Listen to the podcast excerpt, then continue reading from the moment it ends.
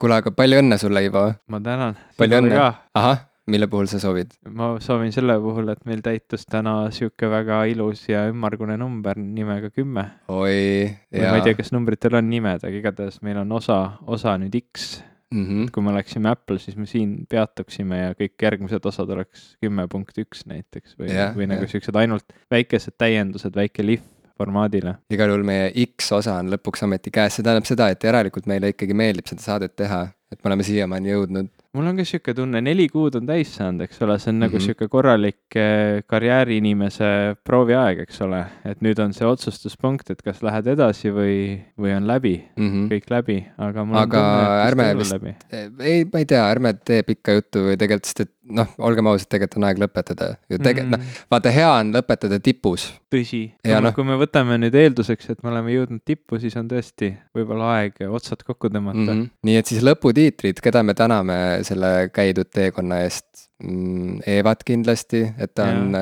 Äh, talunud meid hetkedel, kus ta võib-olla tahaks toimetada kodus ja teha mingeid omi asju, et siis me lihtsalt hõivame elutoa mm., ei luba tal rääkida äh, ega Häälida. muid asju teha, mis, mis jah, tekitaksid heli. Gead peaks tänama. Gead peaks tänama minu elukaaslast. ma olen, ma olen nagu noh, ütleme ikkagi ebamugavusi valmistanud. no oled päris kõvasti, ma olen noor isa ikkagi, aga sinu ja. pärast ma sõidan oma kodulinnast ära, eks ole. tundideks, jõuad väga hilja õhtul mm.. just, vahel ei jõuagi koju võib-olla ja noh, et see on päris sihuke karm lugu tegelikult, et neid tagajärgi ma veel noh, seda kõike ma veel heastan aastaid, ma arvan. ja mul on tunne, et kui ma jätkaks, siis, siis see võiks nagu ainult süvendada neid probleeme ja ma peaksin tundma ennast süüdi noore pere elu rikkumises ja mm -hmm. ma, ma ei taha tegelikult seda süüdi enda peale võtta, nii et võib-olla see X, X ongi nagu, X on lõpp, eks ole mm. -hmm. noh, nagu mm, -hmm. nagu X, mingis nomenklatuuris. jah, mingit pidi vaadata X-i, siis see ongi nagu sihuke rist, eks ole mm, -hmm. et mhm. sihuke, et põhimõtteliselt ma ei tea, tänase osa nimi on siis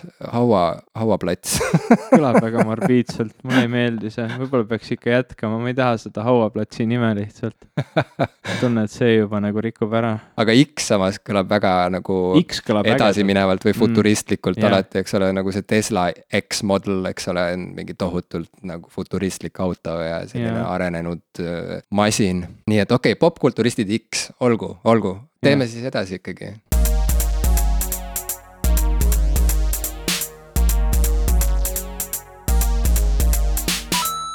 tere, minu nimi on Ivo Krustok. Tere, minu nimi on Jim Ashilevi. ja te kuulate? popkulturiste äh, või te kuulate popkulturistid X edition'it. X edition popkulturistid kümme.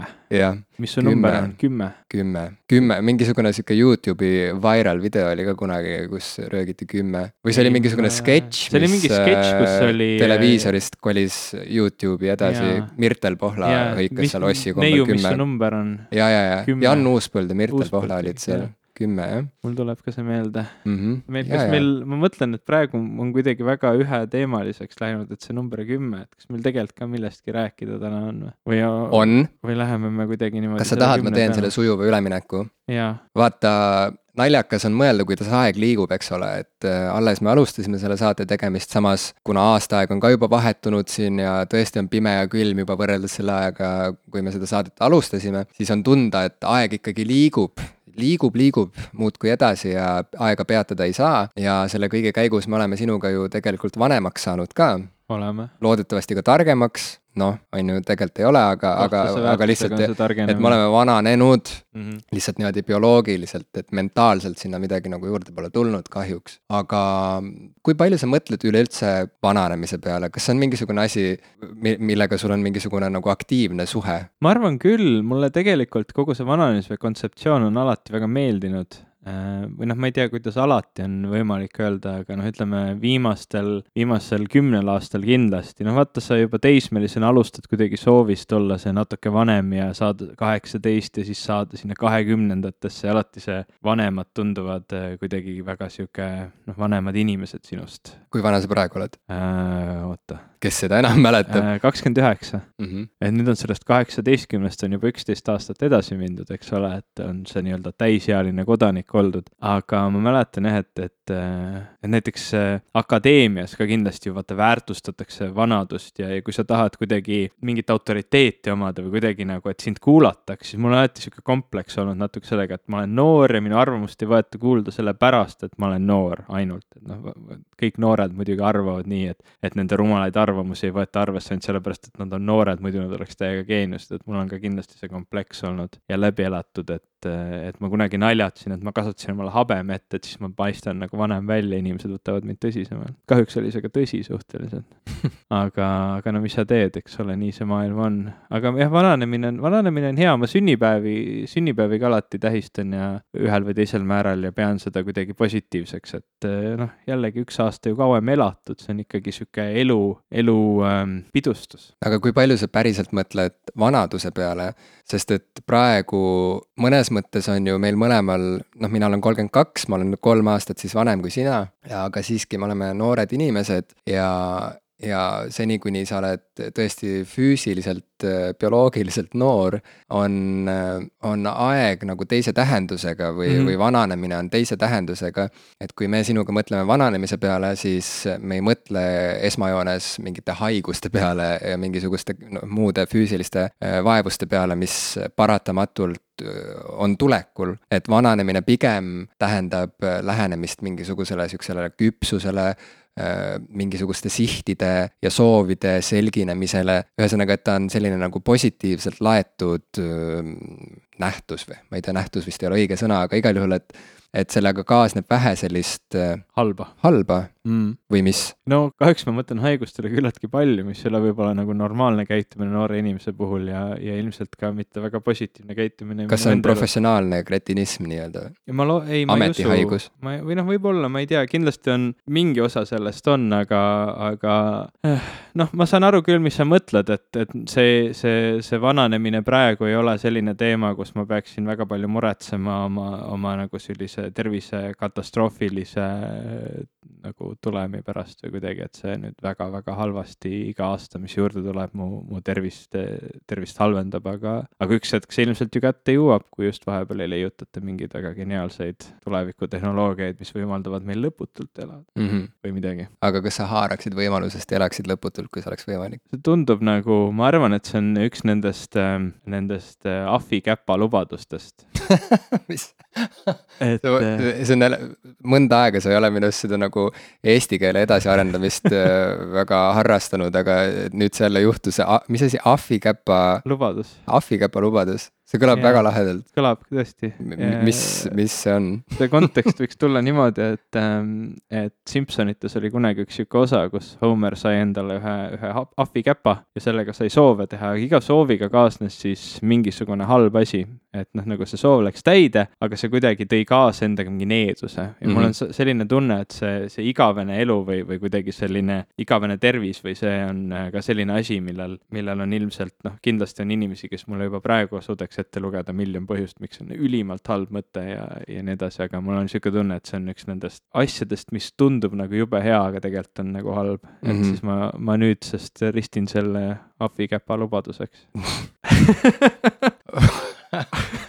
muide, äh, ega ma ka ei tea vastust sellele küsimusele või no okei okay,, ma tean, et mul on uudishimu tuleviku vastu alati mm, -hmm. areng ja tulevik, need on minu, need kuuluvad minu lemmikteemade hulka. ja selles mõttes noh, mulle meenub näiteks üks lõigukene Douglas Coplandi romaanist Microsurfs, kus äh, see jutustaja oma blogisse tegi trükivea, et ta tahtis kirjutada vist, et aasta, ma ei tea, kolm tuhat kakssada ja siis pani ühe nulli, ühe üleliigse nulli sinna, nii et tuli kolmkümmend kaks tuhat. ja siis ta nagu kuidagi, tal peas käis korraks sihuke krõks, et ta mõtles, et issand, et ma tegin nagu nii väikse sihukese näpuvea, aga mida see päriselt ajas tähendab, noh et, et, et tegelikult on mõeldav ju, et samamoodi nagu on tulekul aasta kolm tuhat kakssada, on tulemas ka aasta kolmkümmend kaks tuhat. vahet ei ole, kas meie oleme siis siin või ei ole, noh, ma meie all ma mõtlen siis nagu inimkonda või mm, -hmm. aga.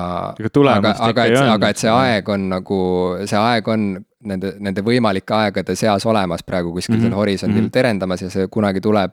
et, et samamoodi ma väga armastan mõelda tuleviku peale või kuidagi mulle meeldib see tuleviku hõng ja sellepärast ilmselt mind kisub ka tehnoloogia poole ja, ja muu sellega seonduva poole, et ma tunnen, et seal on see püüdlus või see nälg nagu arengu ja tuleviku järele äh, kuidagi kõige tajutavam ja seal ma nagu peaaegu nagu vahel tunnen seda, et ah, nüüd, nüüd jälle tuli kätte, vaata nüüd nüüd me jälle läksime sammu võrra edasi ajas kuidagi tsivilis-, tsivilisatsioonina või olenditena, aga ma arvan ka nagu sinagi, et, et siin see ahvikäpa needus äh, kindlasti mängib ka oma rolli, et lubadus, lubadus. lubadus, vabandust. veel, veel, vaata see needus on see, mis nagu juurde selle..., see on see ahvikäpa pool, see positiivne pool peab ka olemas olema. okei okay,, aga kui sa tahad saada aimu, mis tunne võib olla elada peaaegu et igavesti, siis ma soovitan sulle tegelikult Anne Rice'i romaane. ma ei tea, kas sa oled mm, nendega jõudnud tutvust teha ja Just ma mõtlesin, tegelikult üleüldse ei tea. Microsurf kõlab väga huvitavalt, see kindlasti on raamat, mis räägib pisi, imepisikestest surfaritest.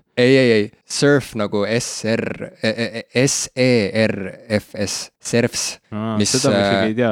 ja, ja see on ingliskeelne sõna, mis, kui ma nüüd pange ei pane, siis see tähendab põhimõtteliselt nagu äh,, mitte nagu ori päris, aga sihuke nagu ma ei tea, sunnitööline või sihuke okay. pisi, sihuke mm. äh, pisiteener või? pisi-pisiteener. ma ei oska seda kõige korrektsemat vastet tuua, aga põhimõtteliselt see tähendab okay. sihukest nagu orjalaadset, sihukest pisikest nagu askeldajat. aga raamat mikrosurfaritest aga see, aga see raamat võib sulle sellepärast meeldida, et ta tegelikult on paralleel sellisele Microsofti tõusuaja ma ei tea, Zeitgeistile, et ta mm. tegelikult on otsene viide või sihuke väga, väga õrnalt varjatud viide Microsoftile, et tegelikult Huvitav, see raamat. kuidas aeg on muutunud, sest tänapäeval kirjutatakse sarnaseid raamatuid Facebookist. aa, no vot, aga jah. vanasti oli Microsoft selle nii-öelda suure korporatsiooni, kes võtab maailma üle selline kuvand ja nüüd mm -hmm. on see mhm. Facebook, lihtsalt mul kuidagi praegu tuli see pähe, sest mingi aeg tagasi siin äh,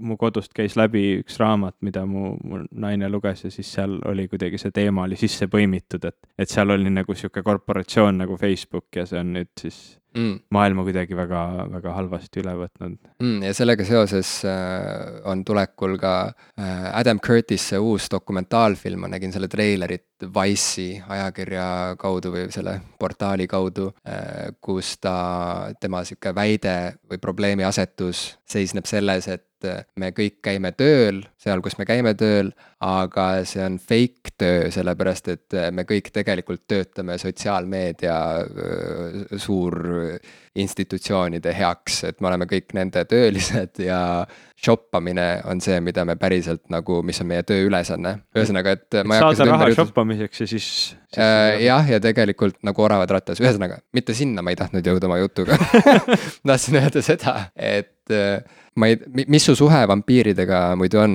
leige või ma vägagi oletan vägagi leige?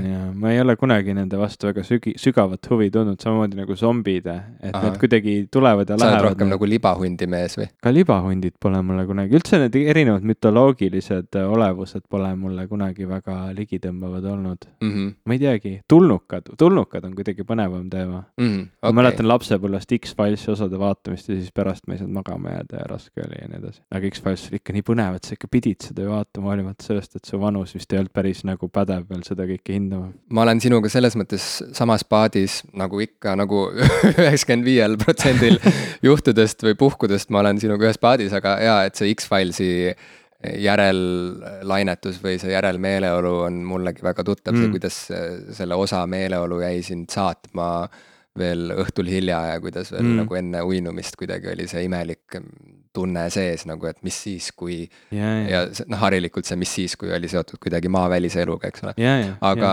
yeah. et ka mina ei ole kunagi olnud vampiiride huviline isegi mitte või kuidagi kogu see stiil või, või see esteetika selle juures on tundunud mulle natukene nagu sihuke noh, sihuke nagu. vanamoeline jaa, mit-, ei ta, ta on vana, ta, ta on, ta on kuidagi, võib-olla lääge on see õige mm -hmm. sõna või? et, et, et see elegants ja see kuidagi see sihuke mingi kuld ja, ja sihuke nagu peenutsemine nagu, mis kuidagi justkui käib kaasas sihukese vampiirikultuuriga. et see tundus mulle kuidagi veider, noh, siuksed pikajuukselised äh,, siuksed nagu vanamoeliste riietega sellised äh, poosetavad vampiirimehed kahvatute näonahkadega, kes nagu kuidagi siis, ma ei tea, koketeerivad koos mm, -hmm. et see, joovad karikast verd, noh, mis siis, vahet yeah. ei ole, on ju, et, et mind ei huvita. tavaline reede õhtu. et, et, et aga ma pean sulle tõesti ütlema väga tõsiselt, et, et Anne Rice äh,, loe, loe Anne Rice'i mm. -hmm et Anne Rice'i käsitlus vampiiridest, ma ei ole teda ka nüüd nagu palju lugenud, aga ma tegin vähemalt algust, et ma hakkasin, sest et ta on ju ülimalt produktiivne vampiirikirjanik olnud, on ju, ta on muidu ka palju raamatuid kirjutanud, aga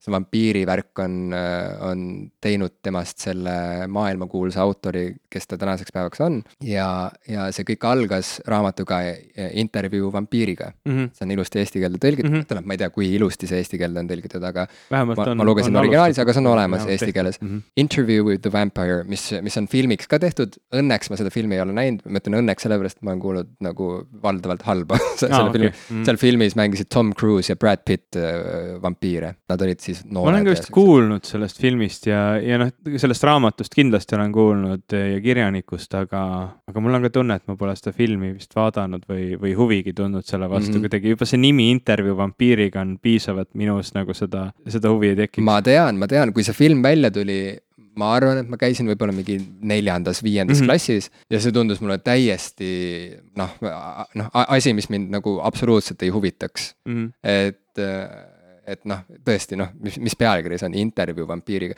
et kui sind ei huvita vampiirid, juba on nagu halvasti. Ja kui ja sa paned nagu mingi intervjuu, noh, see kõlab umbes nii, nagu sa läheksid nagu mingit järeltundi tegema kinno. Põhimõtteliselt, sa lähed kuulama mingit pikka intervjuud kellegagi, kes sind ei huvita absoluutselt. No,.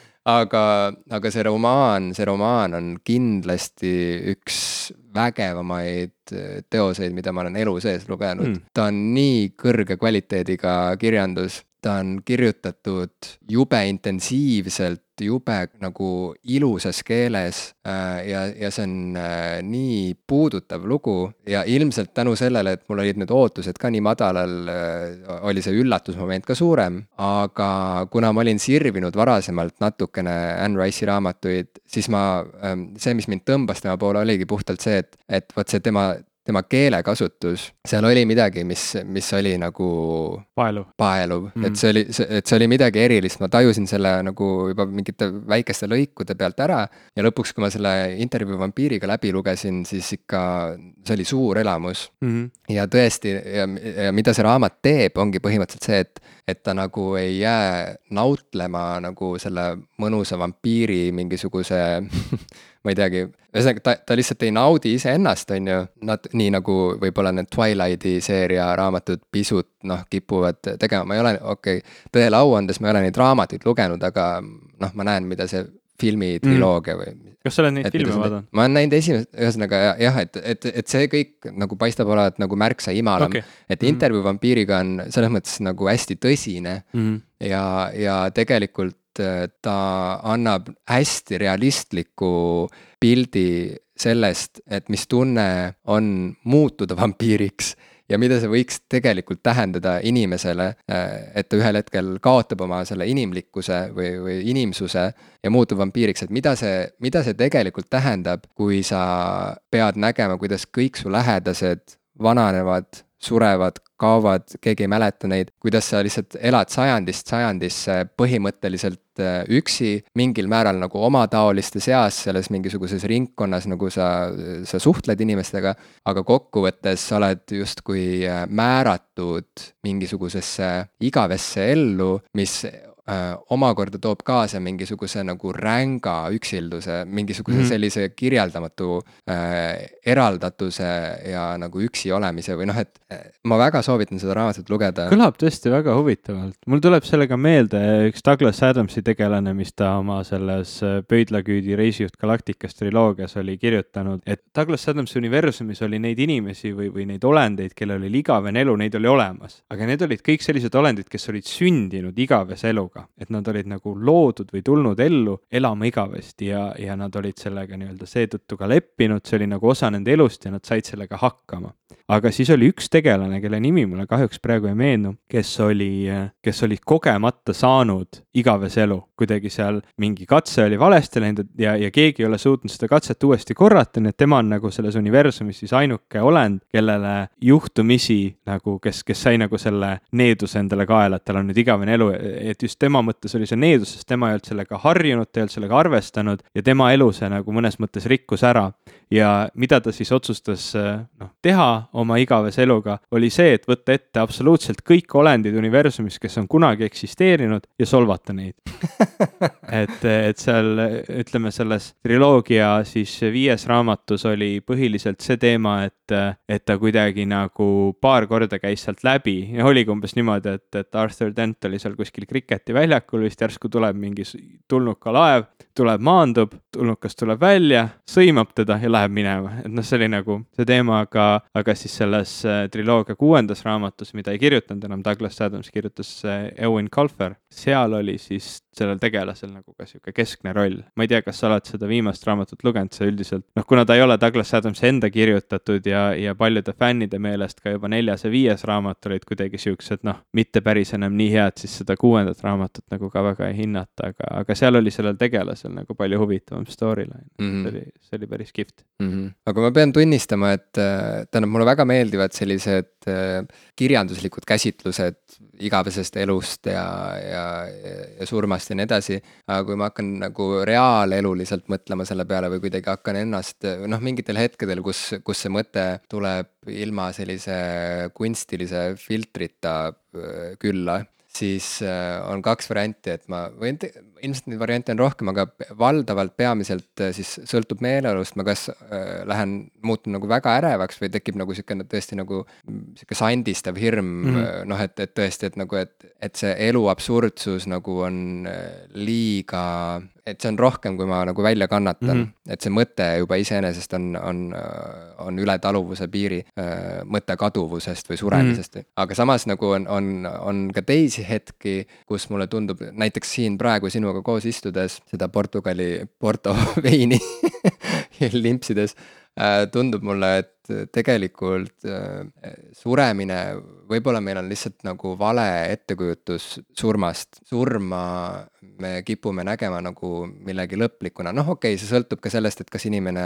on mingit usku mm. -hmm. Milline see maailmavaade on. Mhm. milline see maailmavaade on, nagu me eelmises saates rääkisime, et igalühel mm on oma opsüsteem, eks ole mille järgi ta siis äh, kõike seda olemasolevat äh, tõlgendab, aga sellegipoolest, et fakt on ju see, et ega, ega noh noh, energia ei teki ega kao, on ju, ja, ja, ja tegelikult see, mis meie oleme, see on ju, see on sama, me oleme siuksed energiakogumid või mingid ainete kogumid ja see aine ju ise, ega ta nagu ei haihtu, on ju, et ja, ja võib-olla kokkuvõttes see, et, et meie kehadest saab hiljem midagi muud ja siis veel midagi muud, et see sihuke lõputu remix imine mm -hmm. kokkuvõttes, et et see kõik kokku ju on samamoodi elu või noh, et et, et jah, me ei saa enam oma kehas äh, ringi käia, me ei saa teha neid toimetusi, mida me teeme oma elu vältel, me ei saa suhelda nii, nagu me suhtlesime ja nii edasi.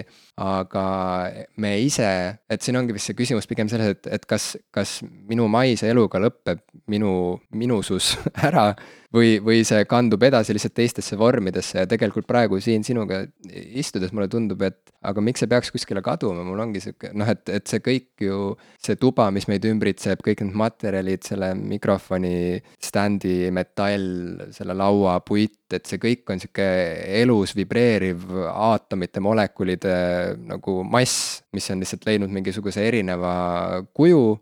ja mina siin juhtumisi olen praegu sellise kujuga, aga kokkuvõttes mitte miski siin ruumis ju ka ei kao, jah, see laud sellisel kujul kaob ühel hetkel, see mikrofoni stand kaob ühel hetkel, aga see muutub millekski muuks. see on see ilus mõte, mis äh, ma ei tea, võib-olla enne teda ka keegi, aga kuulsaks tegi selle Ameerika füüsika teaduse populariseerija Neil deGrasse Tyson, et, et we are all made of star stuff. et tegelikult, kui ma nüüd õigesti mäletan, siis oli see Carl Sagan, suur teaduse populariseerija füüsik enne teda, kes selle, kes selle we are all star stuff äh, nagu välja ütles, et, et me kõik oleme sündinud päikesest, need materjalid, mis meie sees on, on sündinud nendest vesiniku peal töötavatest suurtest termotuumareaktsioonidest ja, ja need raskemad elemendid sealt on ka tulnud, et see on niisugune ilus mõte tegelikult küll. ja, ja juba Joni Mitchell laulis We are stardust. huvitav, kumb see oli enne, kas oli Carl Sagan või Joni Mitchell? no vot, no vot, aga igal juhul Moby laulis seda palju hiljem kui nemad kaks. noh, Carl Sagan küll ei laulnud seda, võib-olla laulis oma. üks äh, väga geniaalne väga geniaalne Youtube'i kanal on Melody Sheep, äh, kes on võtnud siis erinevatest teadusdokumentaalidest siuksed erinevad teaduse populariseerijad ja lõiganud selle kokku koos Melodyniga üle käinud ja pannud nad kõik laulma, see on väga äge mm.. ma kunagi, ma mäletan, see oli ka sihuke, ma olin jõusaalis üks hetk aastaid tagasi, kui ma veel käisin vahel jõusaalis, et siis ma, ma. kui sul veel vaja oli seal käia, sest nüüd sa oled beefcake. Beefcake. jah, kuulajad äh, ei näe sind, aga noh. noh, kui, kui nad vaid näeks, ega siis see pilk ära ei läheks enam, aga oh god, ma poleks pidanud seda õlut võtma äh,. nüüd sa jood veel veini, see läheb päris käest ära. Aga ma olin seal jõusaalis mingi masina peal ja see oli nagu eriti, eriti nagu sihuke nohiklik värk, et ma kuulasin mingite teadlaste inspireerivaid kõnesid, mis oli pandud helivormi mm -hmm. mingi autotune'iga. See oli minu jõusaali muusika. Tol hetkel, et, et siis ma nagu tol hetkel mõtlesin, et kurat, et tegelikult ei ole ju elul nagu väga midagi viga, et see oli kuidagi sihuke, mulle meeldis see, see sõnum, mulle meeldis see viis, kuidas see sõnum oli pakitud ja ma olin seal jõusaalis ja ma tundsin ennast tol hetkel kuidagi hästi. Mm.. et nagu, et nagu ma mõtlesin, et tol hetkel, et nii see lõpp võikski ju nagu olla, sihuke kuidagi selle ühtsusega mm, -hmm. ühtsusega üheks saamine või noh, tegelikult me oleme ühtsusega alati üks, me ei, me ei saa ühtsusega üheks saada, sest me juba eksisteerime aga mõtleme, mõtleme korra sellele, mõtleme sellele, et et kuidas me kulutame ikkagi seda aega, kuidas me oleme elus, sest see on ju ikkagi ka oluline kogu selle pildi juures, et, et mida me nagu, mida me nende aastatega, mis meile antud on, sest mida me teeme, sest noh, olgem ausad, ega sa no esimese kümne eluaastaga väga palju ei, ei jõua teha, vähemalt enamik meist ja, ja isegi need järgmised kümme eluaastat kuni sinna kahekümnendateni. me ikka veel õpime väga palju, me ikkagi veel nagu kompame seda maailma, püüame aru saada, aga sealt niimoodi kahekümnendatest kuni, ma ei tea, mis see keskmine eluiga on, sihuke kaheksakümnendateni, noh, see on on ikkagi kuuskümmend aastat.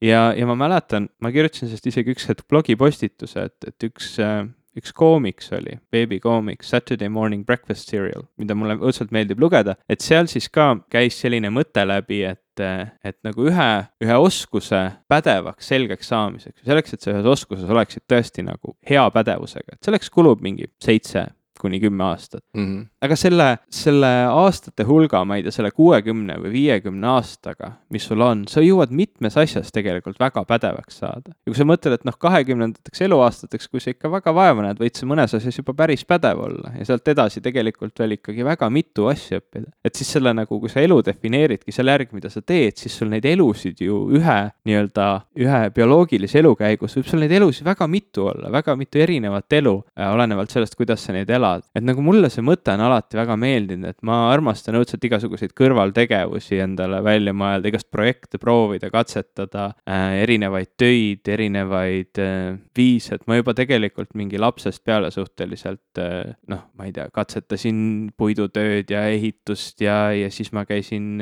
isa juures tööl metalli Tšehhis ja, ja seda ma tegin päris kaua aega suviti niimoodi lisaraha teenimiseks ja ma olen töötanud mingi zooloogiamuuseumis ja teadus on on, on olnud väga suur osa mu elust nagu selles pädevaks saada ja, ja nüüd siis ka ütleme, avalikus sektoris seda, neid teadmisi kasutada ja, ja eraelus siis nagu erineva loomingulise tegevusega tegeleda. mul on tunne, et sina ka nagu pigem oled seda tüüpi inimene, et sa nagu otsid neid uusi kogemusi, uusi väljakutseid, selle asemel, et mingis asjas nagu väga pikalt ja, ja noh, nagu kuidagi jääda nagu ühele liinile. ja mulle tundub, et siin on kaks varianti, et kas sa siblid ringi täiesti niimoodi keskendumata mm -hmm. ja natuke toimub selline nagu Browni liikumine, et sa oled lihtsalt püsi, püsimatu ja ja hüppad siia, hüppad sinna, aga kuskil tegelikult päriselt äh, kanda ei kinnita. ja teine variant on ikkagi läbida need kohustuslikud seitse kuni kümme aastat ja saavutada mingisugune professionaalsus siis selles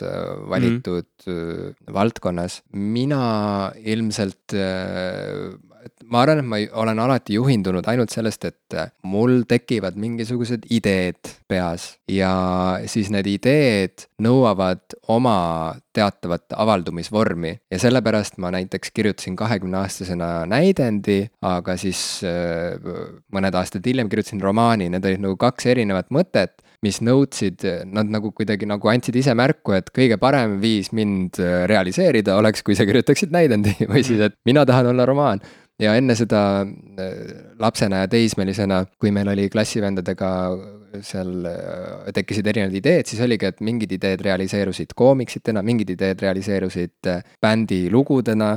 et kokkuvõttes mul ei ole kunagi olnud mingisugust nagu agendat, küll aga ma olen aru saanud, et iga selle tegevuse või valdkonna juures on lõpuks kätte tulnud see hetk, kus see see esmane vaimustus on äh, ammendunud või kuidagi nagu läbi saanud ja siis tuleb nagu otsustada, et kas ma nüüd lähen süvitsi või, või ma jäängi lihtsalt niisama nagu äh, katsetama mm. -hmm. ja, ja, ja see niisama katsetamine on kuidagi nagu ebamugav, sest et see tekitab mingit nagu üha süvenevat piinlikkust või kuidagi, et, et aina rohkem on tunda seda, kuidas ma ei oska seda asja teha, võrreldes sellega, kuidas ma võiksin seda osata või kuidas nagu mingid äh, ägedad tüübid oskavad seda mm. asja. ja sellepärast mulle tundubki, et ma küll olen teinud äh, paljusid erinevaid asju, aga, aga praeguseks, mida ma nagu oskan teha, ongi põhimõtteliselt, et ma oskan kirjutada ja ma oskan ütleme, lavastada ja näidelda mm, -hmm. noh, et mhm. teha teatrit, ütleme nii, et et need on need tugevused ja, ja mingid muud asjad alles nõuavad mingit oma sellist nagu sisseharjutamist. võib-olla saatejuhtimine, noh, siin praegu ka on ju, saame praktikat sinuga kogu aeg järjest et.... kümme saadet on juba tehtud. jah, et, et see X on käes, et, et siis siit nagu on mingisugune sihuke, sihuke hea stardirada on jälle läbitud ja hoog on sees. Aga see elude küsimus jah, ma ei tea, et, et mul küll on, nagu ma ütlesin, erinevaid ideid, mis nõuavad mingit oma nagu avaldumisvormi. Aga selle kõige juures ma ikkagi oma loomult olen sihuke nagu, et ma jään kinni oma mingitesse nagu aegadesse ja identiteetidesse et ma ei liigu tegelikult väga kerge südamega edasi. aga ma arvan, et sa, sa kohe alguses ütlesid ka seda, et ega see liikumine ei saagi liiga kerge südamega toimuda, et muidu ta muutubki väga kaootiliseks. ma ütleks, et see kaootiline pool, see katsetamine, proovimine, eriti noh, nooruses ka, sa ju tegelikult otsid ennast, sa otsid neid tegevusi, mis võiksid saada sinu järgmisteks nagu sellisteks suurteks sammudeks. kõik ei sobigi, hakkad korra pilli mängimist õppima, noh, õpid natukene, mängid Wonderwalli ära kitarril, pärast enam noh, väga kaugele võib-olla ei, ei jõua ja, ja jääbki asi katki, sellest mm -hmm. ei mhm. ole ju midagi. aga, aga kui sa neid asju ei prooviks, siis sa ilmselt ei avastaks ka neid, neid uusi väljakutseid, mis, mis on sellised asjad, millega sa tahaksid kaugemale jõuda. ja need kõrvaltegevused minu jaoks ongi need asjad, mida ma teen nagu sellise võib-olla pikema perioodi kõrval, need võivad kuhugi areneda, ma ei tea, võib-olla kunagi tulevikus on neid vaja, sest noh, iga kõrvaltegevus tegelikult kuidagi leiab ikkagi viisi põhitegevusse ka, see toetab mi seda. mida sina ikkagi loed oma kõrval kõrvaltegevuseks ja mida sa loed oma nagu pealiiniks? ma ei tea, see hetkel on vähemalt jäänud kuidagi niimoodi, et pealiin on see, mis mulle tegelikult palga sisse toob ja kõrvalliinid on need, mis mul raha ära, ära viivad või kuidagi. aga nimeta neid konkreetselt ah,, sest okay. et. Äh, et noh, minu põhitöö hetkel on Keskkonnaministeeriumis projektijuhina töötada. Äh, varem oli see, noh, ma olin doktorant, see oligi nagu minu põhitegevus, et see võib-olla Eestis ei käsitleta seda kui, kui päris töökohta, aga, aga Rootsis ta seda oli ja, ja ükskõik kus riigis sa ka ei ela, kui sa seda teed, ta on ikkagi sinu põhitöö ja vägagi raske ja keeruline töökoht mm. -hmm. Ähm, aga kõrvaltegevustena peamiselt on mul kasvõi näiteks see podcast on üks minu kõrvaltegevusi. oot, oot, oot, stopp, see ei olegi sinu nagu number, number üks prioriteetide seas. aga vaatame kuulajaid. pidulikus kuulajaid osas praegu me jõudsime sellise valusa tõeni, et see on sinu jaoks lihtsalt mingisugune möödaminnes põlve otsas äh, vorbitud sihuke niisama asi. kompamine ja katsetamine, võib-olla see asi kestab igavesti, võib-olla tulebki üks hetk see rist see on lihtsalt, vot, vot, vot kui miski on nagu täiesti nagu fucked up, siis see, mis ma praegu kuulsin on. see on fucked up on täiesti fucked up noh, võib-olla ma, võib-olla ma siinkohal ähm, võlgnen vabanduse sulle ja, ja meie kuulajatele. liigume edasi. liigume edasi, okei okay.. lisaksid mainima, mis sul need teised vähem tähtsad vähem tegevused on asjad. koos popkulturistidega äh,? on äh, muusika näiteks, see on, see on alati olnud selline väga pikaajaline kõrvaltegemine, tegevus, mis pole viinud nagu eriti kuhugi. ja sellest ei ole tegelikult midagi, kuhu see mind ikka peaks viima äh,. ja, ja fotograafia näiteks, ka mingil määral ajakirjandus mulle väga meeldib kirjutada äh,. mulle meeldib oma mõtteid välja kirjutada, mulle meeldib analüüsida asju ja üks selle väljendusviise ongi nagu võib-olla ka siis ajakirjanduslik töö, et ma praegu Geeniusesse vahel kirjutan lugusid harvemini, kui ma, kui ma võib-olla tahaksin, aga noh, neid kõrvaltegevusi ka juba on ja, ja põhitegevus võtab ka oma aja. aga, aga noh, need on kõik nagu sellised asjad, mis, mis lihvivad nagu erinevaid selliseid oskusi ja teadmisi ja, ja võib-olla ma tehes järjekordse muudatuse oma karjääris saan neid kasutada. aga sinu puhul, mis oli huvitav, sa oled ju kirjutanud tegelikult isegi raamatu oma ühest äh, vägagi suurest ja tugevast suunast oma elus ja sellest, kuidas see mingil määral sind nagu tõesti ära tüütas ja kuidas sa võib-olla tundsidki, et nüüd oleks aeg nagu, nagu piir ette panna ja liikuda kuhugi mujale ja tegelikult see ongi ju, ju see, millest me siin räägime, et, et on täiesti võimalik, et et noh, sa ei jää nagu elus sinna ühte vormi kinni, sellesse ühte asja, mida sa oled omale kunagi ette kujutanud, et see on nüüd minu tee mm. -hmm. et noh, mhm. ma usun, et kindlasti teater mängib sinu elus väga suurt rolli, hoolimata sellest, mis saab tulevikus, kuna sellel on väga oluline osa sinu elust olnud ja ilmselt on ka tulevikus. aga noh, sa ise ka tunnetad, et need rollid ei ole niimoodi kivisse raiutud ja võetud. absoluutselt, äh, see ongi väga kummaline teema, ühest küljest nagu ma ka varem ütlesin meie eelmises teemaplokis, et mulle väga meeldib areng, mulle meeldib tulevik, edasiliikumine, aga selle kõige juures ma olen sihuke nagu paigale jääja oma mm oma natuurilt või noh, okei okay,, tegelikult noh, inimese natuur saabki olla vastuoluline, on ju, mõlemad on minu natuuri osad ja selles mõttes see raamat, millele sa viitasid, Armastuskirju teatrile, oli selles mõttes jah, valus raamat, et äh, just nimelt minu olemusest lähtudes või minu natuurist lähtudes oli ühest küljest ju nagu mõistetav mulle, et elu muutub, inimese eh, vajadused ja huvid muutuvad ja et selles mõttes see on võimalik teoreetiliselt, et eh, teater ei pruugi olla minu elu oluline osa kuni elu lõpuni välja, eks ole. sellest see raamat räägibki, et, et mismoodi nagu mm,, kuidas leppida sellega, et kõik muutub mm. mõnes mõttes, on ju et miski, mis on kauem kui pool aega minu elust mänginud hästi suurt rolli minu elus, elus, et mis siis, kui see ühel hetkel tundub mõttetu ja, ja noh, tundub, et see sai läbi, et kuidas siis edasi liikuda või kes ma siis olen pärast seda. aga samas ma arvan, et seda küsimust, noh, selle küsimuse ees seisavad äh, inimesed iga päev mm. ja mitte ainult oma tööga seoses, äh, ka oma suhetega seoses mm, -hmm. eks mhm. ole, inimesed, kes äh, on jõudnud oma suhtes mingisse punkti, kus nad peavad nagu seadma kahtluse alla kõik, mis nad varem pidasid nagu vankumatuks või mis iganes. no ja, ja seesama vananemine mm -hmm. on ju samasugune asi, mis lihtsalt seab meid fakti ette teatud perioodide järel. et ühel hetkel sa saad aru, et okei okay,, sa võid ju pidada ennast nooruslikuks inimeseks, aga sa ei ole enam kaksteist, on ju. nii et nagu sellest tulenevalt sa käitud kuidagi teistmoodi või sa teed oma valikuid kuidagi teistmoodi. sa juhindud millestki muust mm, ja, ja nii see jätkub ilmselt ja, ja, ja noh, selle kõige juures muidugi on väga lahe näha äh, inimesi, kes äh, siiski äh, vananemisele vaatamata äh, pidevalt nagu jätkavad kindlalt omal kursil. ja tead, kes on hea näide selleks mm? -hmm. Bob Dylan Bob Dylan on värske Nobeli preemia laureaat, Nobeli kirjanduspreemia laureaat ja sellest on üksjagu palju räägitud äh, nüüd juba, et äh, see oli üllatav, eks ole, et üks mm -hmm. muusik sai sellise muusikas tegelikult noh, oleks ta siis olnud ka ütleme poeet selle klassikalises mõttes oleks ta luulekogusid välja andnud, aga tegelikult muusik, kelle puhul hinnatigi tema laulusõnu. et just. see, see luule, see kirjandus, mida ta oli kirjutanud, olidki ju tegelikult laulusõnad ja, ja, ja see oligi see, mis selle preemia vääriliseks siis peeti, kusjuures ju veel eh, selle Nobeli komitee siis eh, liige, kes, kes seda autasu kõne pidas, ütles, et, et ilmselt üks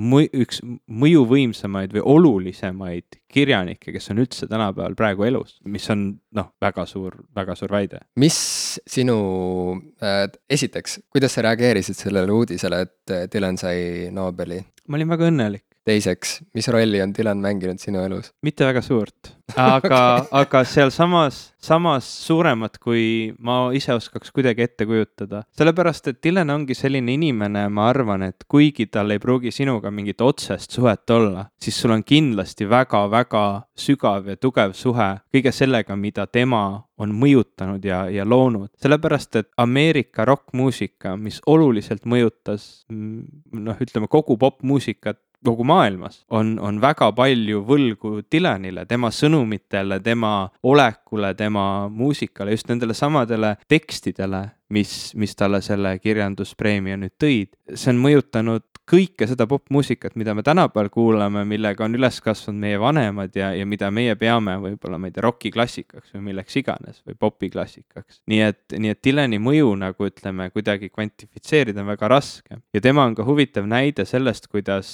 noh, sa ütlesid, et eks ole, ta on, ta on jäänud ühte liini pidama, aga tegelikult on Dylan ääretult palju muutunud oma karjääri yeah, jooksul. tal on siukseid. ma ei mõelnud seda ja ma saan ta on küll muusikuna, eks ole, jätkanud, aga muusikuna on ta ennast uuesti loonud ja uuesti leiutanud mitmeid kordi. ja see on just nagu tema põhitunnus isegi mm -hmm. sarnaselt Bowie'le võib-olla, kelle puhul samamoodi räägitakse, et et noh, et mis perioodid Bowie'st me praegu räägime, vaata, et millisest identiteedist me praegu räägime, jah et Dylanil oli ju ka, kui ta esimest korda tuli lavale oma selle kurikuulsa bändiga, mille nimi on The Band. Äh, esimest korda tuli nagu bändiga lavale, seal olid elektrikitarrid, siis inimesed publiku seas äh, karjusid puu maha, et noh, nad, nad, olid vihased näha sellist, sellist seda folgi ja, ja hipinduse sihukest äh, eestvedajat ja nii tähtsat inimest näha elektrilise bändiga instrumentidega laval, see tekitas nendes väga suurt äh, vastureaktsiooni ja tegelikult on, oli see nagu tema karjääris ikkagi nagu meeletu, meeletu vahe, see oleks umbes sama nagu, nagu meil mingisugune popp-täht, eks ole, järsku otsustaks, et ta hakkab tegema, ma ei tea, gooti rocki, kuigi isegi see, see ei see ole, see ei ole üldse midagi, ma ei mm -hmm. oskagi siia nagu seda võrdlust kõrvale tuua mm, -hmm. sest see oli selles kontekstis nii meeletu muutus, et, ähm, et noh jah, et see on tegelikult ja, ja neid muutusi on veel olnud. võib-olla ta... midagi sellist, et kui Arvo Pärt äh, nüüd äh, tuleks pikemaks ajaks tagasi Eestimaale ja siis äh, ütleks, et ansambel Nexus võiks tulla kokku uuesti, et maksab neile raha ja siis teeb nendega koos albumi. et see oleks midagi sama ootamatut või? see oleks juhe kokku ma ei oska selle peale mitte midagi öelda.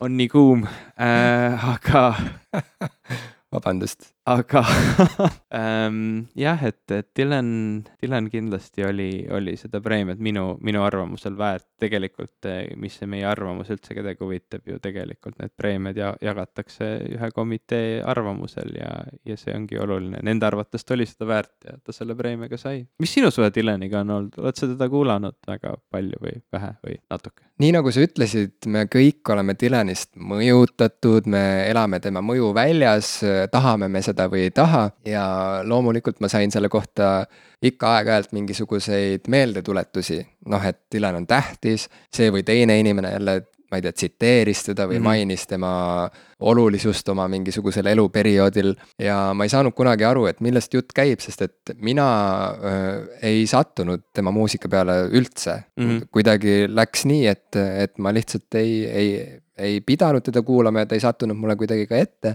aga äh, mul on äh, aeg-ajalt selline kihk, tuleb peale selline kihk õppida tundma mingit, äh, mingit konkreetset artisti, heliloojat, mingit liikumist. Ja, ja Dylani puhul samamoodi tuli see kihk peale, sest et ma käisin Norras ühel teatrifestivalil ja, ja siis äh, rääkisin seal ühe Dylani fänniga, kes oli sihuke noh, ikka sihuke nagu väga tõsine Dylani fänn, kellel oli olemas, olid olemas kõik Dylani albumid ja, ja siis ma olin tema juures külas ja küsisin talt, et kuule, mis värk siis ikkagi nüüd on. mis värk sul selle Dylaniga on? jah, et otseselt, et tähendab, ma küsisin talt sellise küsimuse, et mida Bob Dylan sinu jaoks tähendab mm. -hmm. mille peale ta ütles, et oo oh,, see on väga hea küsimus ja siis äh, mõtles natuke selle peale ja siis ütles, et Dylan tema jaoks, ta oli Norras Trondheimis äh, sellise teatri nagu Avant Garden teatrijuht okay.. et, et on sihuke nagu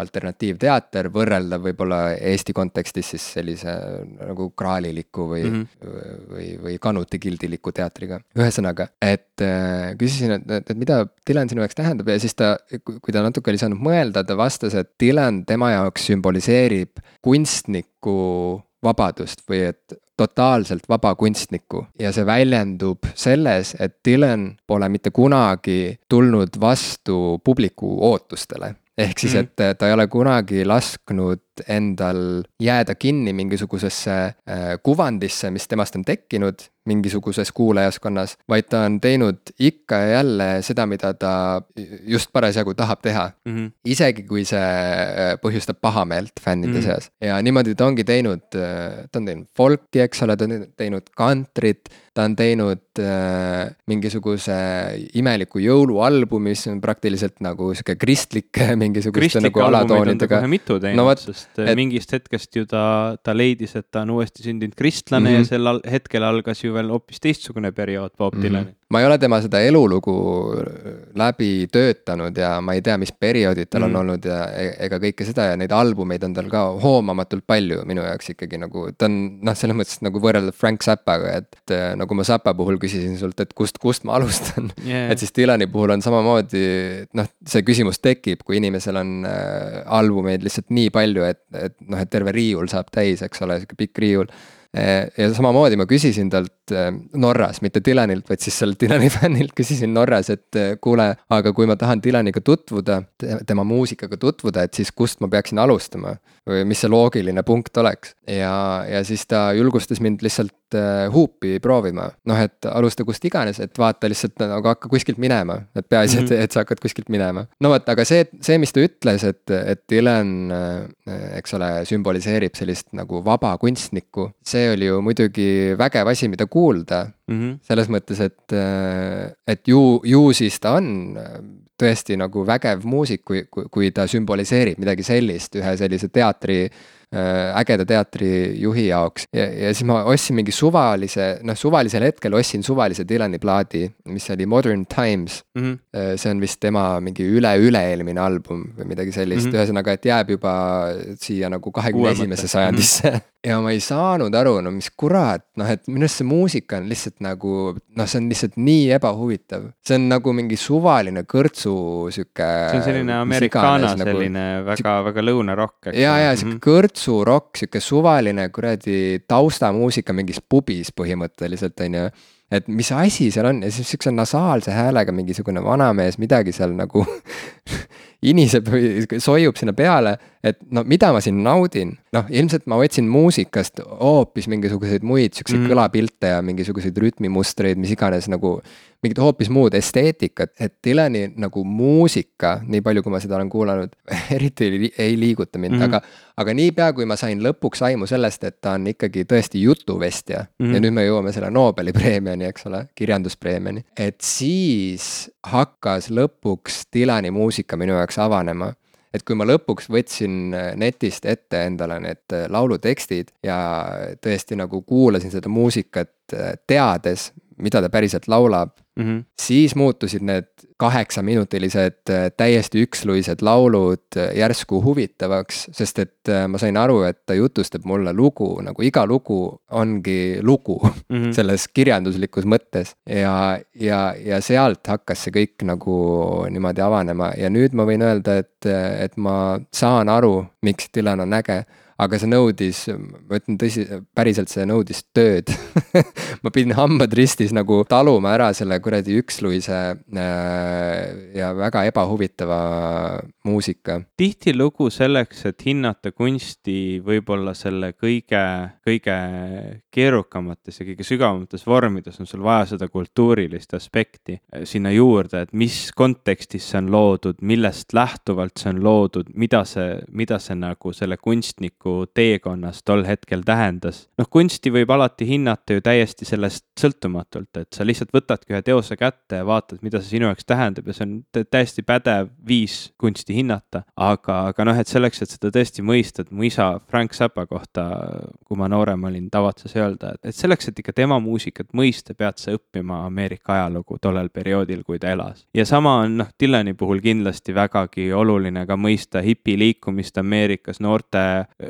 seksuaalset vabanemist, muidu vabanemist, kogu sellel kuuekümnendate, seitsmekümnendate perioodil, tema hilisem looming, kuidas see on nagu mõjutatud erinevatest poliitilistest ütleme, teemadest ja, ja Dylan selles suhtes kindlasti seal on palju, mida avastada. muidugi tema karjääri puhul hinnatakse ikkagi kõige rohkem neid, neid algseid, algsemaid perioode, kus ta, kus ta kõige kuulsamad laulud on kirjutatud, Like a Rolling Stone, All Along the Watchtower, mida kõik ilmselt, kõik inimesed, kes on kunagi kitarri mängima on õppinud, on õppinud Dylani lugusid, Knocking on Heaven's Doors, kasvõi siis Guns N Roses'i variandina ähm, või, või mida iganes. Äh, Hey Mr Tambourine Man, et äh, kõik need, kõik need looming või kõik see looming on nagu oma, omas kontekstis kindlasti väga, väga sügavalt oluline ja jah, see, see vaba kunstniku teema on tõesti ilmselt väga, väga paslik, sest isegi vist president Obama nüüd, kui Dylan oli oma preemia kätte saanud,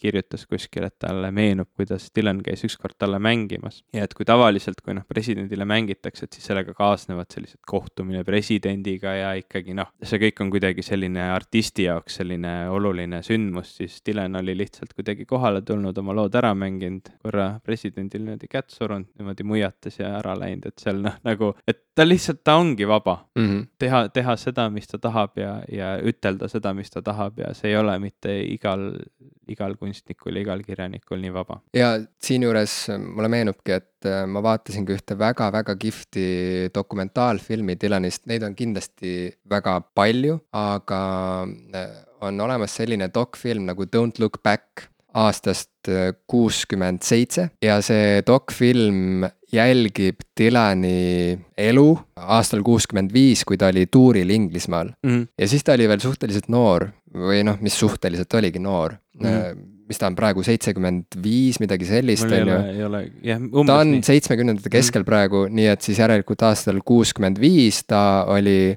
Äh, noh, ta ei olnud veel kolmkümmendki, ta oli umbes sinu vanune, noh mm.. ma ütlen sinu vanune, sest sa oled minust noorem ta oli lähemalt sinu vanusele kui minu vanusele, jah ja käis seal Inglismaal ringi ja, ja põhimõtteliselt see dokfilm nagu lihtsalt jälgib teda, noh, mismoodi ta suhtleb inimestega, kuidas ta seal vahepeal niisama musitseerib kuskil hotellitoas, kuidas ta tülitseb mingisuguste tüüpidega, kes liiga lärmakaks muutuvad seal kuskil hotellitoas.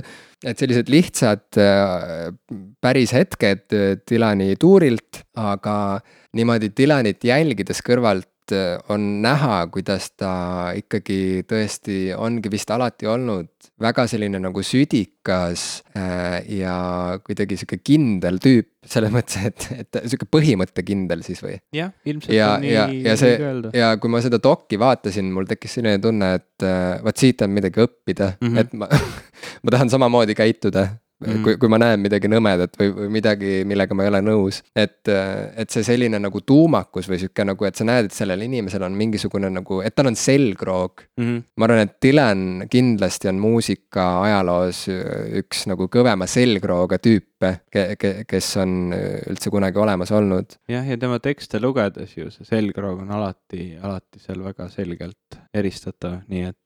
Don't look back, väga soovitan, ma nägin seda, kusjuures ma vaatasin seda You Youtube'ist hmm.. et see oli siin, ju siis see on nii vana äh, film, et äh, seal inimesed väga enam, need inimesed, kes pidid valvama selle üle, et, et see copyright'i ei rikutaks, on juba kõik manalateed läinud. ei tea, see käib alati käest no, kätte, võib-olla sattusid heal ajal peale. igal juhul see oli nagu lihtsasti kättesaadav, aga igal juhul, kui ma olin selle ära näinud, ma kohe mõtlesin, et äh, vaat selle filmi ma isegi raatsiksin osta endale mm DVD-l või Blu-ray'l. et, ähm, et no kokkuvõttes see Dylani asi, et vaata Dylaniga on natuke sarnane lugu, nagu mul on olnud Morrissey'ga mm.. selles mõttes, et, äh, et ma saan täiesti aru inimestest, kes ei saa pihta Morrissey muusikale. Mm.. okei okay,, The Smiths nagu äh,, The Smiths on muusikaliselt väga palju huvitavam kui Morrissey soolomuusika minu arvates. ja, ja. muusikaliselt jah. ja, ja, ja, et, et, mhm. et The Smiths nagu on selles mõttes ta, tal on see külgetõmbejõud tugevam, et, et ta nagu haarab sind kiiremini, kui, kui sa lihtsalt kuulad seda muusikat, et mm -hmm. seal on sees mingisugune sihuke mingi energia, mingisugune mm -hmm. midagi pulbitsevat. Morrissey enda muusika kohati tekitab sellise tunde, et mis mis asi, no see on nagu mingisugune, see on, see on nagu mingi Elmar raadio mm -hmm. muusika. selles mõttes, et täiesti selline nagu turvaline, igav, noh, mitte midagi ütlev selline nagu jällegi sihuke nagu. Morrise isiksus on ka muutunud kuidagi natuke toksiliseks isegi, et on ta nagu minu jaoks kindlasti ta ei ole selline, ta on küllaltki selline ebameeldiv kohati oma väljaütlemistes ja asjades, ta on, ta on, ta nagu tal on ka, ta on väga jõuliste väljaütlemistega väga enesekindel inimene, aga, aga kohati see nagu tekitab väga palju vastuolulisust mm, -hmm. et ma mäletan, kui noh, ütleme seda, et, et kas nüüd äh, loomade söömine on eetiline või mitte, on, eks ole, noh, see on Morrissey üks siukseid põhi, põhisõnumeid, et see ja, ei ja, ole loomulikult aga, aga noh, et ütleme, raske on vastu vaielda sellele, et inimene, kui ta noh, tahab liha süüa, siis võiks ju ikkagi teada, et noh, see tähendab ühe looma tapmist ja mida see kõik tähendab, eks mm -hmm. ole, mida see mhm. endaga kaasa toob. nii et, nii et ma mäletan, et kord siis BBC-s Jamie Oliver näitas, kuidas looma, ma ei mäleta, kas see oli nüüd looma tapmine või linnu tapmine välja näeb ja kuidas sellest siis need erinevad lihatükid lõigatakse mm. -hmm. ja Morrissey ütles selle peale, et Inglismaal on kolm häda, Jamie Oliver, Jamie Oliver, Jamie Oliver, ta oli nii solvunud sellest faktist, et see inimene üldse nagu julges seda näidata telekas. et ta noh, nagu ta, ta ütleme, ta oma nende väljaütlemiste asjadega, ta on, ta läheb nii ekstreemsustesse, ta on selline väga nagu jõuline, tugev võitleja, ma, ma tihtilugu ei suuda samastuda kuidagi nende ekstreemsete ja, ja inimestega. Morrissey on oma väljaütlemistes täiesti pannud võrdsele pulgale inimese tapmise ja looma tapmise mm. ja vaat see on nüüd sihuke nagu hägune mälestus mul, et, et ma julgesin nüüd nagu päris nagu alla joonida seda mõtet, aga igal juhul, et kuidagi mul on jäänud meelde justkui ta Jamie Oliverile äh,, Jamie Oliverist rääk-, rääkides on vihjanud sellele, et noh, et mis tunne Jamie Oliveril oleks, kui tema lapsed ära mm, söödaks mm. -hmm. kellegi poolt, on ju, või midagi sellist. aga Jim aga... tead, world peace is none of your business. Jah. Nagu ütles Morrissey aga, aga, aga Morrissey puhul äh, samamoodi, nagu ma ütlesin, et see muusika on iseenesest kuidagi nagu iseloomutu ja sihuke nagu isegi halb, aga vaat seal on jälle, et Morrissey on samamoodi jutuvestja mm. -hmm. või isegi mitte, ma ei ütleks, et tema, et ma ütleks, et Dylan on rohkem nagu jutuvestja, Morrissey, ma ütleks, on puhtalt poeet mm -hmm.. noh, et tal ei ole nagu need lood ei ole nagu mingid pikad-pikad jutud, vaid pigem nagu see jah, see poeesia seal mm -hmm. kõik kokku on see, mis annab selle põhilaengu ja, ja, ja Morrissey puhul samamoodi kui ma hakkasin lõpuks neid sõnu uurima mm, -hmm. siis muutus see muusika ka huvitavaks. ja, ja mulle tundub, et see, see nagu on miski, mis äh, teeb teda nagu Dylaniga sarnaseks. Et vaata, sageli inimesed ei kuula sõnu, et noh, nad kuulavad muusikat, nad kuulavad seda nad refrääni võib-olla. et sõnad olemas oleks, aga ja. neil ei ole oluline, mis see sisu seal on, eks ole ja, ja selle üle on isegi noh, kogu aeg visatakse ka nalja, eks mm. ole, kasvõi see äh, aastate, aastate tagune keelekursuse reklaam, kus äh, üks sihuke harilik äh, perekond istus autosse, pani muusika käima ja sealt tuli mingi ingliskeelne lugu, et mm -hmm. noh, midagi hästi roppu mm. -hmm. ma ei mäleta, I wanna fuck you in the ass või midagi sellist, on ju. ja siis see perekond, kõik need laps, lapsed ja ema-isa nagu niimoodi ilus, rõõmsalt nagu laulsid seda kaasa, eks ole, ja sõitsid suvilasse või midagi mm. -hmm ja noh, see reklaam oli põhimõtteliselt õpi inglise keelt, on ju, et mm. -hmm. miks sa rikub sööks laulu ära ju, miks sa õpid seda inglise keelt? et põhimõtteliselt nagu äh, et et noh, et inimesed tõepoolest nagu väga harva pööravad nagu süvenenult tähelepanu mm -hmm. laulusõnadele, kui need ei ole nende emakeeles mm. -hmm. ja selgesti nagu noh, arusaadavad, sest sageli ju nagu selle muusikakihi alt nagu sa ei kuulegi neid sõnu normaalselt. eriti kui sa kuulad shoegaze'i või yeah, indie no, rocki, siis unusta ära et aga, aga aga jah, Morrisi puhul ja Dylani puhul, et, et, et sellel muusikal, ühesõnaga sellel igaval pealispinnal äh, on mingi põhjus mm. -hmm. või kuidagi, et, et, et, et lõpuks, kui, kui sa need äh, selle, selle tuumani oled jõudnud ja, ja oled hakanud lähenema asjale nagu sealt tuuma poolt mm -hmm. niimoodi seestpoolt väljapoole, siis naljakal kombel see muusika muutub jälle jumala ägedaks yeah,. Yeah. ja, ja sellepärast ongi Morrisi muusika nagu väga-väga äge mu jaoks ja väga nauditav ja Dylani muusika, mille kohta ma ütlesin enne, et see on kuradi igav pubi taustamuusika, saad aru, seesama muusika on nii lahe vorm sellele, mida ta seal oma Edasena. lugudes jutustab mm, -hmm. ja. no Morrissey'ga ka, ma nagu ise, ütleme nii, et Morrissey on kirjutanud ühe loo, mis minu arvates on, on üks paremaid lugusid, mis kunagi kirjutatud on ja, ja ma ikkagi nii. kipun tema uusi plaate kuulama ja tihtilugu noh, isegi kui ma ei saa tema enamike väidetega kindlasti nagu nõus olla ja ma ei ole nõus sellega, kuidas ta neid väljendab, siis noh, mitmeski mõttes tema sarnasus võib-olla võib-olla Dylanile, noh, ta ei ole nii rafineeritud kui Dylan kindlasti ja ta ei ole võib-olla nii, nii. mida sa mõtled sõna all rafineeritud? Äh, ütleme, et Dylan oskab oma sõnumit võib-olla huvitavama keelekasutusega ja, ja võib-olla komplekssemalt väljendada, aga. no ma olen nõus jah, et Morrissey on selles mõttes nagu palju nagu lihtsamini loetav, et mm -hmm. ta on rohkem avali, ütleme nii, et Dylan on müstilisem, krüptilisem. jah, täpselt, et, et Morrissey puhul ka, et nad mõlemad olid ju tegelikult omas ajas ekstremistid, nad olid need äärmuslased, need, kes, kes olid oma väga julge, noh, Boris, noh, mõlemad tegelikult, ma jällegi räägin siin minevikust, nad on, nad on ikkagi seal nii-öelda mm -hmm. ääre peal ja, ja kuigi nende sõnum ei pruugi olla selline selline ühtselt võetav ja kasutatav, siis vähemalt nad, nad märgivad need ääred ära ja nad, nad panevad meid mõtlema sellistele teemadele, mis võib-olla on ebamugavad, nagu eetilisus loomade vastu ja, ja, ja, ja sõda ja erinevad äh, sellised teemad, et nad, nad panevad meid mõtlema. see Morrissey lugu, mis minu arvates on üks, üks parimaid lugusid, mis kunagi kirjutatud on, on Something is squeezing my skull okei okay,, sa seda häält tegid päris adekvaatselt järele, aga see viis oli mööda. aga ja, pole hullu, ega see ei ole laulusaade. see, see on jah Something is squeezing my skull. aa, väga äh, üllatav, ma poleks eales arvanud, et see, seda, ma pigem arvasin, et sa mainid midagi, noh, ma ei tea, kaheksakümnendatest mm., jah. ei, see, see lugu jah, ma ei, see on võib-olla üks, üks paremaid äh, laule, mis on või, või kuidagi paremaid tõlgendusi sellistest vaimsete terviseprobleemidest laulu, minu jaoks vähemalt, et see nagu kirjeldab väga-väga hästi kõike seda, mis sellega kaasneb ja, ja seda, see, isegi nagu muusikalises mõttes, et kui sa ütlesid, et Morrissey on võib-olla natuke igav muusikalises mõttes, siis see lugu nagu kõik, kõik minu jaoks toimib väga hästi mm -hmm. koos, et on sihuke raju ja, ja tugev ja Morrissey'l on, on väga hea ja tugev kandev hääl, et kõike seda nagu välja kanda, et mm, -hmm. et see on tõesti, tal on väga häid lugusid nagu Dylanilgi jah, naljakas, et nii Dylani kui Morrisi puhul me tegelikult ikkagi näeme ju seda mis, äh, me näeme seda jäämäe tippu alati mm. ja muusikute puhul need jäämäe tipud on siis ütleme albumid, konkreetsed teosed, mida nad üllitavad. ja teiste, teiste erialade inimeste puhul need jäämäe tipud on, on, on, on mingid muud asjad või teosed, aga, aga me ju ei näe seda kahtlust, me ei näe seda teekonda nii, nagu nemad seda näevad. ja selles mõttes äh, me ei saa ilmselt mitte kunagi teada ka seda, et et noh, mis on olnud need seitse aastat, kümme aastat nende elus, mismoodi nad on ennast ümber mõtestanud või kuidagi, mismoodi nad on kuidagi leidnud, olnud sunnitud kuidagi nagu uuesti leidma või põhjendama oma tegevust, oma, oma mis iganes nagu sihti, eesmärki siin elus. et me näeme äh, ainult seda võitu, ühte võitu teise järel just nagu. ja no Dylani elulugusid ma ei ole vaevunud lugema, Morrissey kirjutas ise autobiograafia, mille ma lugesin läbi ja mida ma kindlasti loen veel elus, sest et see on väga hästi kirjutatud. ja tõesti avab tema seda hingeelu äh, intiimsemalt kui, kui mis iganes artikkel tema kohta.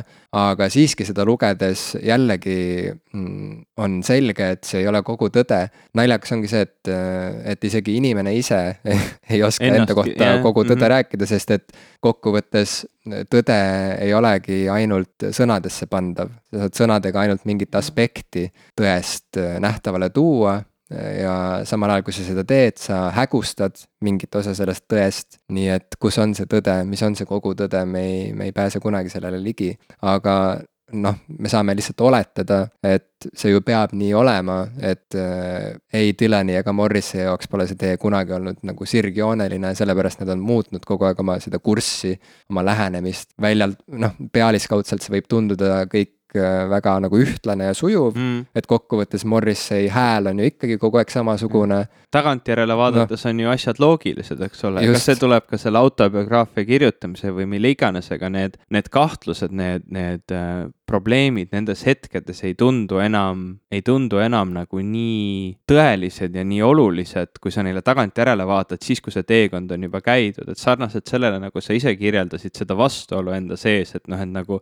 ühest küljest tahaks, et asjad jääksid nii, nagu nad on, teisest küljest tahaks kogu aeg edasi liikuda, et see on ju täiesti noh, ma arvan, et see on niisugune inimlik konditsioon, et, et noh, samamoodi ma olen äh, oma igasuguste otsuste juures, et noh, ma võin küll rääkida sellest, kuidas nii lahe on nagu erinev erinevaid asju teha ja, ja liikuda ühest asjast teisele, et, et võib-olla see ongi nagu sihuke hea lähenemine minu jaoks, siis reaalselt iga otsus, mida ma olen teinud, on tulnud väga, väga raskelt ja, ja, ja täpselt seesama, see, kuidas ma ennast nüüd defineerin mm, -hmm. on olnud nii, nii elav ja tähtis küsimus, kasvõi Rootsi kolides. ma enne seda ei arvanud kunagi, et ma tahaks välismaal elada. ma nagu olin õnnelik Tartus elades, ma ei näinud mitte mingit põhjust selle äraminemiseks ja ma, ma nagu tol hetkel siis tuli lihtsalt selline võimalus ja see see tundus väga hea võimalus ja siin tulebki see riski autasu analüüs mängu, et noh, et kas ma nüüd võtan selle riski, kas on seda väärt? Ja, ja kui ta on seda väärt, siis, siis tagantjärele niimoodi noh, nagu seda analüüsi tehes noh, oligi see, see taandub sellele, et ma tegin selle otsuse.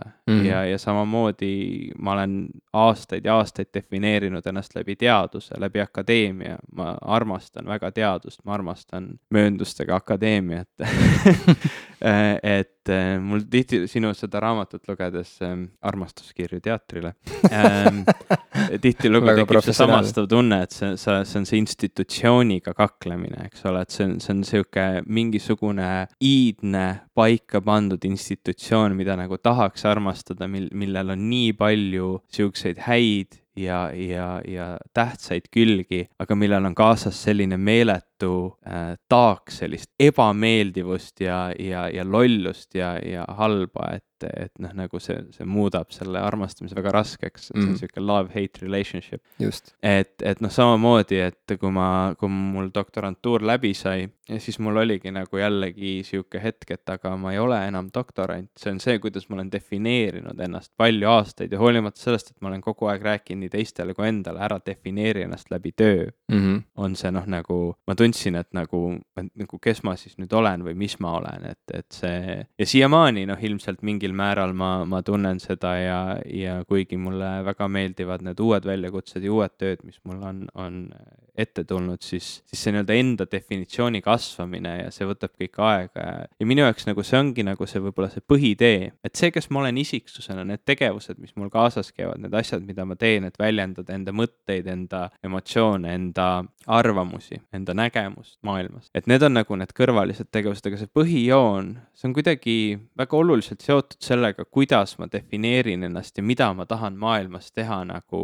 organiseeritult ja, ja siht, sihtmärgiliselt mm. -hmm. et need tegevused, kindlasti on popkulturistidel ka oma siht, ma täpselt ei tea, mis see võiks olla. ma arvan, et see ongi hea, sest et tegelikult aga, aga me... tagasi vaadates ilmselt me näeme seal midagi, eks ole, kui me, kui me kirjutame memuaare või kui meilt küsitakse, kui kedagi see huvitab enam kolmekümne, neljakümne aasta pärast on kelleltki küsida mm. -hmm. et siis ilmselt on seal mingid nagu mingi asi, mida saab hiljem välja joonistada, punkte kokku tõmmates yeah.. aga, aga nagu niimoodi sihtmärgiliselt on ikkagi need asjad, mida ma teen, mu põhitegevus sellest, et kas see on siis mingisugune maailmavaateline nagu osa nagu minu elus on olnud keskkonna, keskkonnahoid ja, ja looduskaitse ja, ja loodus üldse, bioloogia, maailma toimimine. et seal ma tegutsen väga tugeva sihiga, aga need kõrvaltegevused on nagu sihuke kogemuste ja teadmiste ja huvide, ütleme, kompamine ja uurimine ja katsetamine ja proovimine ja, ja see kõik nagu noh, see kõik nagu teebki selle komplekti mm. -hmm. ma ei tea, kuhu ma tahtsin jõuda sellega, siia ilmselt. ilmselt siia ilmselt siia. või mis sa arvad äh,? ma arvan, et, et äh, küta edasi ma ei küsi sult antud hetkel seda, et mis sa arvad minu elust, vaid nagu, mis sa arvad sellest oma elu kontekstis pigem. kujuta ette, et sul ilmub ilmub, ilmub elulugu kas, kas lõpuks. kas ma olen nagu okei okay inimene ja, et ongi, et sul ilmub lõpuks elulugu ja siis ma nagu sinna taha kirjutan selle soovituse, vaata, Jim Ashilovi kirjanik, näitleja. Tsitaat, et äh, väga äge tüüp, kütku edasi las kütab edasi. aga miks mitte aga miks mitte, jaa, ei noh, ja samamoodi ma arvan, et teeme seda saadet edasi, sest et miks mitte. mul tuleb meelde, see oli äh, ühes Hello Interneti podcast'i osas oli, kui nad rääkisid raamatust The Martian, mis on väga kihvt raamat. Äh, võib-olla mitte sihuke kirjanduslik tippteos, aga väga-väga lahe raamat, mida lugeda. filmina oli ka väga põnev. filmina oli ta isegi võib-olla parem, sest ta oli natuke paremas tasakaalus, ta ei mm. olnud nii, nii palju sellist uh, engineering porn, mis mm. mulle väga meeldis lugeda, igast tehteid, arvutusi ja mõtteid selle koha pealt, kuidas seal nüüd kõik see toimib. aga see film oli võib-olla paremas tasakaalus, aga. ma olen just kuulnud siis..., et raamat oli parem, aga jätka. no ütleme jällegi minu, minu aspektist raamat oli võib-olla parem, sest mulle meeldis see tehniline, tehniline värk seal, aga mm kui, kui see nagu nii sügav huvi selle vastu ei ole, siis film annab nagu siukse natuke kompaktsema, parema, selgema pildi. aga igatahes eh, seesama diskussioon sellest raamatu liigsest tehnilisusest ja, ja nagu võib-olla ta ei olnud kirjanduslikult kõige huvitavamalt kirjutatud, tekkis siis Hello Interneti podcast'is ja see tsitaat, mida siis CGP Grey äh, oleks sinna raamatu kaanele pannud või kuidas see tema suust siis kõlas, oli umbes niimoodi, et it was okay, but I would have rather read anything else et see nagu, noh, polnud nagu paha ka, aga ma oleksin parema meelega ükskõik mida lugenud. kõige halvem nagu, see on jah, hal-, sellest halvemat äh, tsitaati ei saa panna raamatu tahakaanele. sest et ma mäletan, et äh, kui ma mingi võib-olla, ma ei tea, kolmteist, viisteist aastat tagasi raamatupoes nägin sellise raamatu nagu The Wasp Factory, sihukest nagu uuemat väljaannet, see oli kirjanik Ian Banks mm. -hmm kes hiljem on tuntust kogunud ikkagi ulmekirjanikuna, aga see, see oli tema esikromaan, mis mm. ei mhm. olnud nii väga ulmeline, mis oli üsnagi realistlik. siis seal oli tagaküljel ära toodud nii ülimalt kiitvad äh, tsitaadid kui ka täiesti mahategevad tsitaadid, noh, mis ütlesid umbes midagi sellist, et see ei ole kirjandus ja et äh, see on kõnts. huvitav no, valik muidugi kirjastuse poolt, ma kujutan ette, et võib-olla autor tunneks selle vastu isegi huvi, aga kirjandus, et panna nagu negatiivne negatiivne arvamus. ei, see on, noh, see on turundus, see on, selles mõttes, see on äge, vaata, ma arvan, et selleks, selleks hetkeks oli ju Banks juba äh, tunnustatud autor ja mm, -hmm. ja siis oli juba äge teha mingi selline edition ka. aa ja, ja, ja, ja niimoodi tagantvaatavalt. Mm -hmm. ja, ja, aga no sihuke leige asi nagu, et, et see on, see on okei okay,, aga noh, samas nagu muud raamatud on võib-olla ka paremad et see on vist kõige jubedam äh, võimalikest variantidest, aga ma tahtsin teema kokkuvõtteks öelda nii palju, et äh, me küll siin räägime sinuga vananemisest ja sellest, kuidas meil on elus erinevad tsüklid ja kuidas me üritame mõtestada ümber iseennast, oma kohta siin maailmas ja oma eesmärke.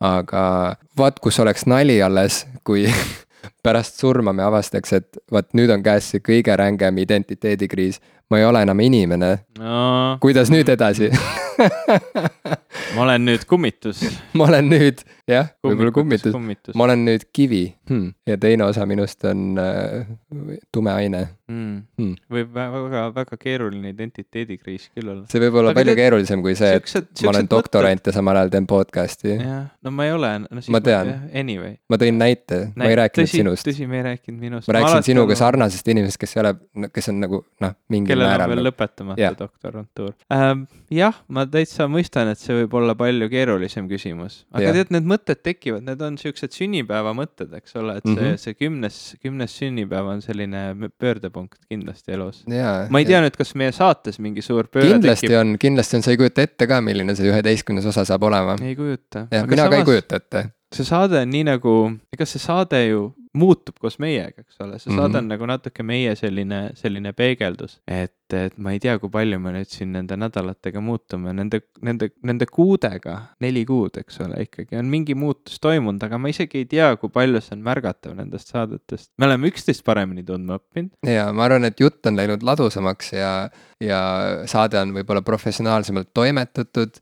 seda kindlasti, ma vähemalt püüan iga kord jälle natuke paremini seda lõikamist teha nii, et noh, kui need esimesed saated ma, ma mõtlesin, et ma ikka püüan neid, neid parasid sõnu ja kordusi ja, ja liiga pikki mõttepause lühemaks lõigata ja see tekitas sellise ebaloomuliku ähm,, ebaloomuliku feeling'u, kus asjad kuidagi katkesid järsult ära ja, ja ma mõtlesin, et selline nagu filmides tehakse sellist jump cut'i, et see on nagu okei okay antud formaadi puhul, et siis nüüd ma olen äh, mida aega edasi, esiteks oli meeletult ajamahukas ja teiseks see nagu ei olnud üldse loomulik, et nüüd ma olen nagu selle kõrvale jätnud ja püüan nagu sellist võimalikult äh, loomulikku juttu, juttu vestmist. ja ma tundsin ikka päris suuri süümepiinu alguses, kui sa neid esimesi osi monteerisid üksi.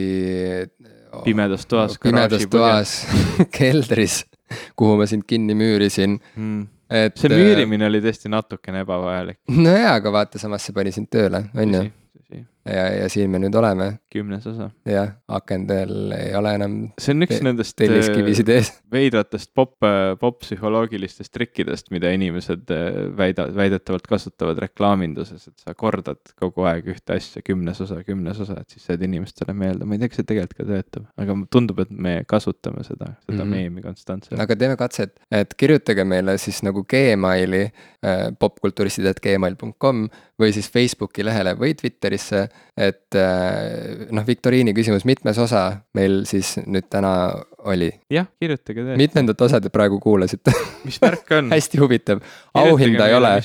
ma ütlen kohe ära, et au, auhinda ei ole, aga on ääretult suur ja lõppematu tänu kuulajatele endile lihtsalt puhtalt sellepärast, et nad meid kuulavad. ja, ja eriti suur tänu on loomulikult meie armsatele kuulajatele, kes reaalselt on pannud õla alla rahaliselt meie saate tegemisele. ma räägin inimestest, kes on liitunud äh, Patreonis, Patreonis äh, meie toetajate nimekirjaga. suur aitäh, et te endiselt äh, tahate meiega seda teekonda kaasa käia ja väga põnev on teiega edasi minna tulevikku, kuhu mujale. mul on tunne, et viimased kümme minutit vähemalt on saade juba täiega alla käinud. saade on läbi mitte... juba ammu sihuke tunne ilmselt oleks mõistlik nagu punkt, punkt panna õudne, ma ütlen, see on nagu Bob Dylani muusika, vaata et see lugu oleks võinud ammu juba läbi olla, what the fuck nagu aga vot võtad selle Metro Lyricsi lehe lahti ja siis saad aru, miks see kõik, miks see soigumine miks tegelikult miks nagu oluline oli mm. ja me oleme sinuga Dylani tasemel, on see, mis ma tahtsin öelda. ma ei julge. arva ära, kellele järgmine Nobel läheb, okei okay,, mitte järgmine, aga noh, üle, üle, üle, üle, ülejärgmine. ootame siis oma kõnet, härrad Rootsis